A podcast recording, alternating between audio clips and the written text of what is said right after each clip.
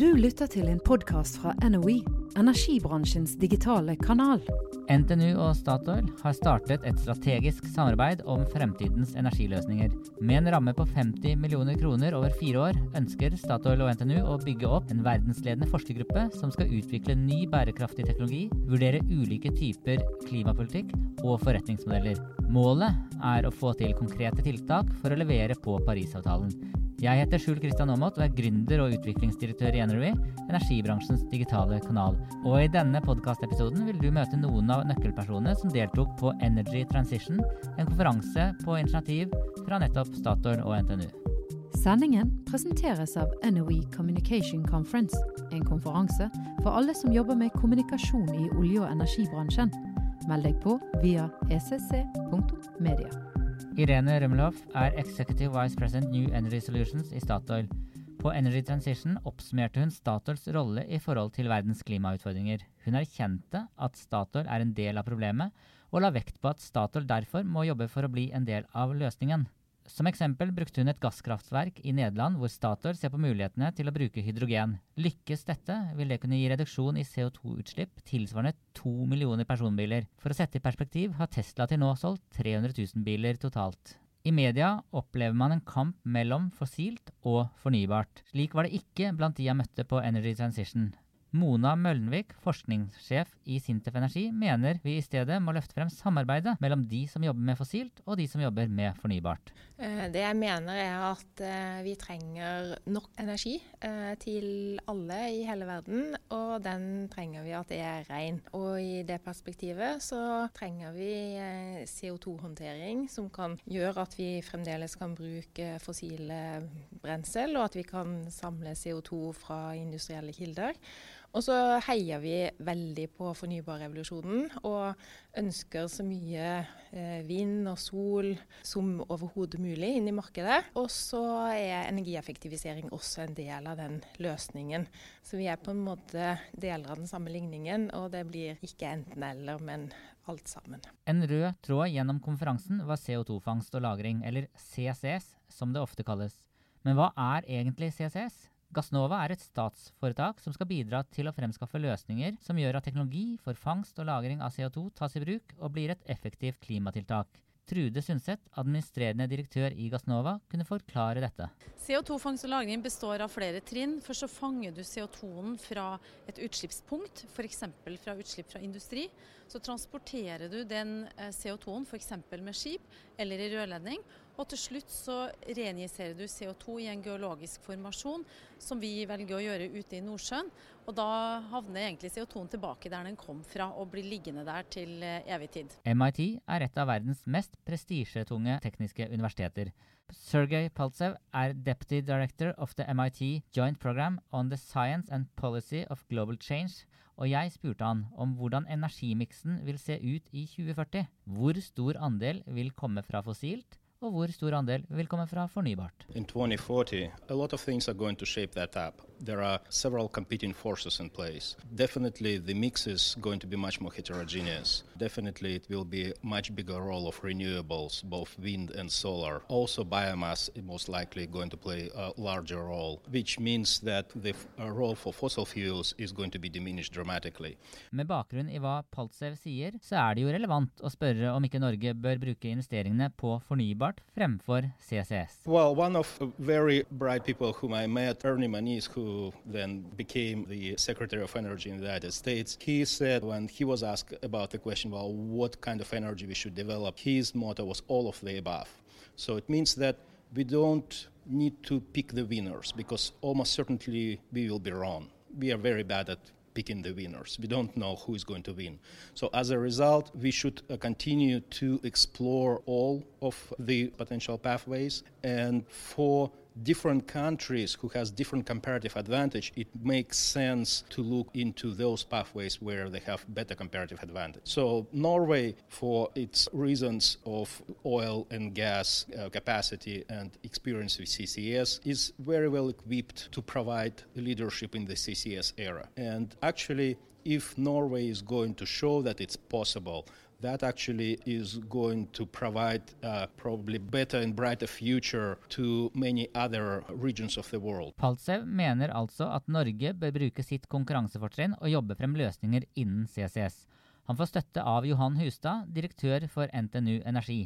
Naturgassen vil jo ha ulike roller i framtida. Per i dag så eksporterer jo vi i Norge betydelig. Vi er verdens tredje største eksportør av naturgass. Og den omfatter ca. 25% av importen av naturgass i Europa. Og den brukes på mange ulike flater. I og med at det er så store investeringer vi snakker om, det er så lange tidsbaner i det her, så må vi faktisk begynne å jobbe med helt nye løsninger også. Det med karbonfangst og -lagring haster jo. Og Der ligger jo Norge og norsk industri og akademia langt fremme. Så må vi også se på hydrogen som en mulig løsning. Hva betyr det i framtida, både for infrastruktur, for industriell utvikling og for utdanning og forskning. Sånn sett så må vi jobbe med naturgass både som en kilde i dag, men også en kilde i framtida. Men da er vi nødt til å gjøre noen grep, og det må vi starte med allerede i dag. 38% av all norsk eksport kommer fra petroleum. Til tider eksporterer vi mer gass enn olje. I Europa brukes bl.a. kull for å produsere strøm, og Trude Sundset i Gassnova mener at naturgass fra Norge er et godt miljøtiltak. Det er klart at eh, med bruk av eh, gass i stedet for kull, så slipper man ut eh, mindre mengder CO2. Så sånn sett så bidrar det helt klart i energimiksen på en positiv måte. La oss ta et skritt tilbake. Målet med konferansen og møteplassen Energy Transition er å få til konkrete tiltak for å levere på Parisavtalen. Tina Saltvedt har jobbet med oljemarkedet i ti år som oljeanalytiker i Nordea. Nå har hun en ny rolle innen grønn energi og bærekraft. Vi er til stede i Trondheim på konferansen Energy Transition, som prater om et energisystem som skal gå mot nullutslipp. Er det troverdig? Ja, vi må jo i hvert fall håpe det, og det er jo målet. Eh, vi har jo signert på Parisavtalen, hvor vi må prøve å forhindre en temperaturøkning som vil ha store følger for eh, ikke minst befolkningen på jorda og naturen. Så det er vi nødt til, enten eh, vi tror på det eller ikke. En som har deltatt i regjeringens ekspertutvalg for grønn konkurransekraft, er administrerende direktør Idar Kreutzer i Finans Norge. Du har tidligere uttalt at eh, klimarisiko eh, truer eh, finansiell stabilitet. Hva mener du med det? Jeg har sagt at klimarisiko kan uh, true finansiell stabilitet. og Det vi da tenker på, det er at klima som risikofaktor ikke fullt ut er priset inn i både de forsikringsprodukter og de investeringsprodukter som er på markedet i dag. Og Vi snakker ofte om tre typer risiko. Det ene er den fysiske risikoen. At det blir våtere, villere klima i deler av verden, større tørke og vannmangel i andre deler av verden, som vil få store konsekvenser. Det andre er ehm, en sånn såkalt liability-risiko, hvor man ansvarliggjøres for bidraget til klimarisiko, som i liten grad er ehm, priset inn antagelig. Og det tredje er overgangsrisiko, at en del av de teknologiene vi bruker i dag vil bli overflødige, at nye teknologier kommer til, og det er viktig at vi fanger dette opp på en god måte. Summen av dette kan ha stor betydning for det finansielle systemet og må tas med i betraktning. Og da kan det også true norsk næringsliv? Næringsliv? For norsk næringsliv så er nok uh, særlig teknologirisikoen uh, viktig. Altså at man uh, forstår hvilke store endringer vi står foran hvis samfunnet skal omstilles til et lavutslippssamfunn. Men jeg tror også konsekvensene av våtere, villere klima vil ha stor betydning, særlig i byggenæringen. Så representerer du finansnæringen. Tar finansnæringen klimarisiko på alvor? Vi er nok av de næringer som var tidlig ute med å forsøke å forstå hva klimarisiko kan bety. Det er et omfattende arbeid i alle deler av næringen. Blant annet så arbeider vi nå med å se hvordan klimarisiko skal tas inn i bankenes kredittprosesser. Sendingen presenteres av NOE Communication Conference, en konferanse for alle som jobber med kommunikasjon i olje- og energibransjen. Meld deg på via ecc.media. Innledningsvis nevnte jeg at Irene Rumeloff i Statoil erkjente at Statoil er en del av problemet, og at de derfor ønsker å være en del av løsningen. Konserndirektør for innovasjon og strategi i Statoil, Sonja Indrebø, forteller hvordan selskapet jobber for å endre seg og posisjonere seg innen fornybar energi. Altså Statoil har etablert en strategi hvor en ønsker å bygge opp fornybar energi. Så en har uh, satt en del mål. Annet har en satt at i 2030 så forventer en at 15-20 eh, av våre investeringer kommer til å være innenfor eh, lavkarbons område. Eh, men da vil den resterende investeringen fortsatt være innen fossilt? Det stemmer. Statoil definerer seg som et energiselskap, men skal altså i lang tid fremover gjøre tunge investeringer innen fossilt. Føler Tina Saltvedt i Nordea at Statoils satsing på fornybar er troverdig? Jeg tror virkelig Statoil mener noe med denne satsingen. Eh, jeg tror de ønsker å gå litt forsiktig inn i disse markedene. De har jo ikke vært mye inne der tidligere og ønsker å teste teknologi, de ønsker å teste kompetansen de har. Så de ønsker å bevege seg litt forsiktig inn i disse markedene og ikke minst lære på, på veien inn. De ser jo også, har vært veldig tydelige på det, at eh, de skal bidra til dette grønne skiftet de også, og ser dette som interessante markeder. Som var inne på, så har kostnadene kommet betydelig ned, og, og profittmarginene vil jo derimot begynne å gå opp når det blir konkurransedyktig. Slik at jeg tror også at Statoil ser disse mulighetene fremover, og ser sin mulighet til å ta en plass her med å være tidlig ute. Irene Rømmelhoff i Statoil forteller at selskapet har lang erfaring fra det å jobbe på dypt vann i tøffe omgivelser, og de har også en stor forskningsavdeling. Dersom en tar med alle vindprosjektene som Statoil er involvert i, så kan de forsyne fem millioner hjem med strøm. Både Sonja Indrebø og Irene Rumloff fra Statoil understreker at det er en vei å gå. Ikke alt kan elektrifiseres umiddelbart. Rummelhoff trakk frem et cruiseskip som eksempel. Et cruiseskip trenger 1000 Tesla-batterier for å kunne kjøre én time. Det sier noe om utfordringene. Vi lever i en verden der money talks. Norge har tjent seg rike på olja. Hva skal vi leve av etter olja? Kanskje Idar Kreutzer i Finans Norge kan svare på hvordan finansnæringen kan bidra til å skape grønne, nye arbeidsplasser? Petroleumssektoren kommer til å ha stor betydning for norsk økonomi i mange år fremover. Samtidig er det liten tvil om at vi må få frem ny bredde og dybde i næringslivet på andre områder. Det gjelder både å få frem nye teknologier, nye produkter. Men det gjelder også å være med å skape markeder for disse nye teknologiene. Der vil finansnæringen være med å finansiere nye ideer, finansiere entreprenører og innovasjon. Og finansnæringen vil sørge for langs langsiktig finansiering av gode ideer. Eh, så har du sittet i regjeringens ekspertutvalg for grønn konkurransekraft. Hva var de viktigste anbefalingene deres, og hvordan har dette blitt fulgt opp? Det har blitt fulgt opp veldig godt gjennom eh, f.eks. regjeringserklæringen som nå kom for den eh, nye regjeringen, der hvor våre hovedprinsipper for politikkutformingen har blitt tatt inn stort sett i sin helhet.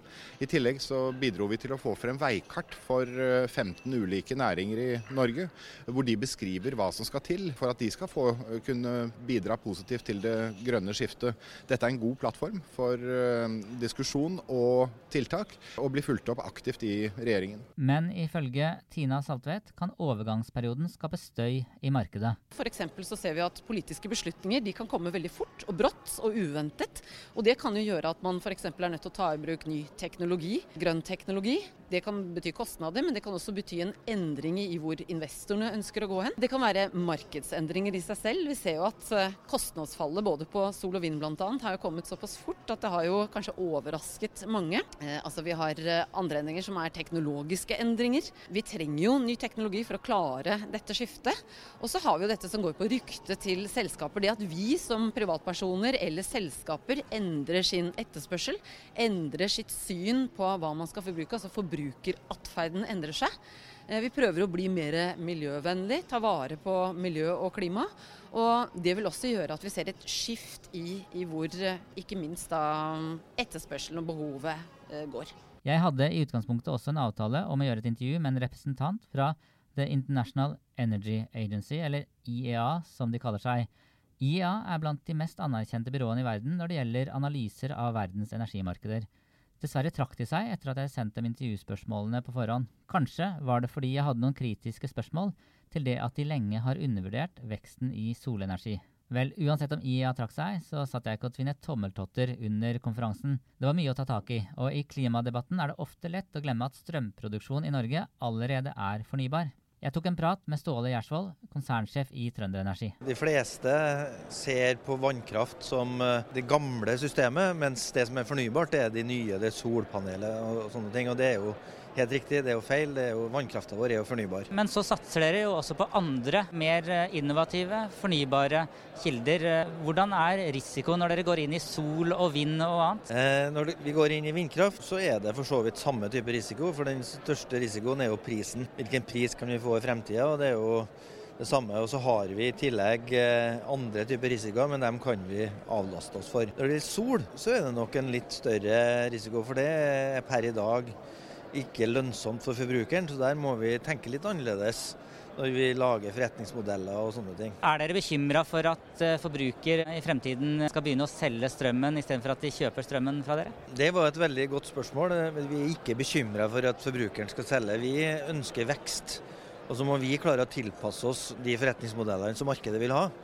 Men jeg tror vi må eh, se det at fremtidas energiløsninger ikke er nødvendigvis bare det store, flotte norske systemet, men også en del av mikrogrid. Det kommer batteripakker, det kommer teknologier som i dag kanskje ikke er lønnsomme, men som vi er lønnsomme om noen få år. Eh, hvordan opplever du at eh, investeringsmiljøet eh, ser på de nye fornybare satsingene, altså ikke vannkraft, men mer sol, vind osv.? Er det vilje der ute til å ta risiko? Når det gjelder vindkraft, så er det investorer der. Fordi at det er store investeringer som har en relativt forutsigbar kontantstrøm.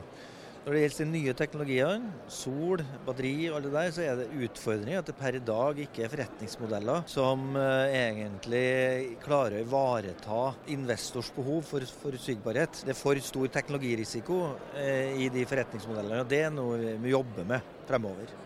Hvordan mener du den norske energibransjen må følge med å endre seg eh, for å møte fremtiden? Ja, jeg tror eh, den norske energibransjen står foran store endringer. Jeg tror vi er nødt til å få ut monopolet fra den konkurranseutsatte virksomheten. Vi er nødt til å tenke verdiskapende for kunden, istedenfor å bare selge strøm til kunden. Og så må vi i tillegg jobbe veldig mye med nye forretningsmodeller og i de nye energisystemene, sånn at vi kan tilby løsninger som både vi kan investere i, men også er lønnsomme for kunden. Det er den store utfordringa. Det krever at vi endrer oss ganske eh, dramatisk i de åra som kommer. Jeg sitter igjen med mange inntrykk etter intensive dager på Energy Transition, men jeg sitter også igjen med et hjertesukk. Mange som ikke jobber i energibransjen, ser på olje og gass som samme ulla. Det er heller ikke så rart. Vi har et departement som heter Olje- og energidepartementet. Vi har en minister som har tittel olje- og energiminister. Gass nevnes ikke. Mange tenker at det står noen plattformer ute i Nordsjøen, og disse henter opp olje, og så er gass kanskje en del av olja.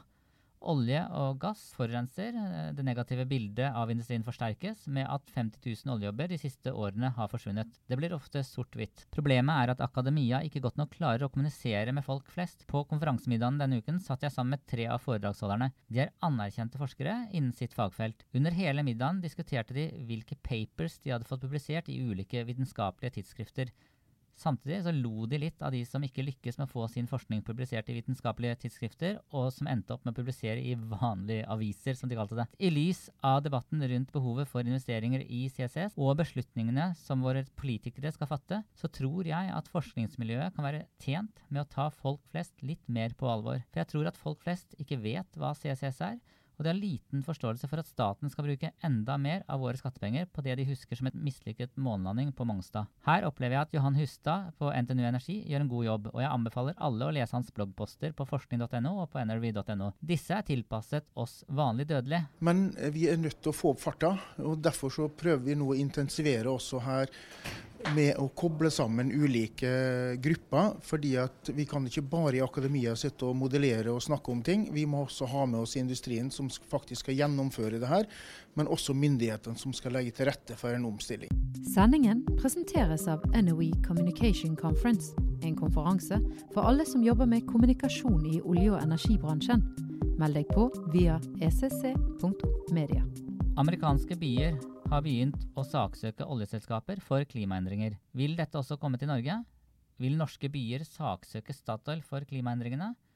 Her er hva Ida Kreutzer i Finans Norge mener om den saken. Jeg ser ikke det for meg. Eh, deler av dette er en veldig amerikansk form for ansvarliggjøring. Men eh, det at vi tar bidrag til eh, klimarisiko på alvor, det tror jeg vi skal gjøre på bred basis. Selv om jeg ikke forventer at det blir amerikanske tilstander i Norge.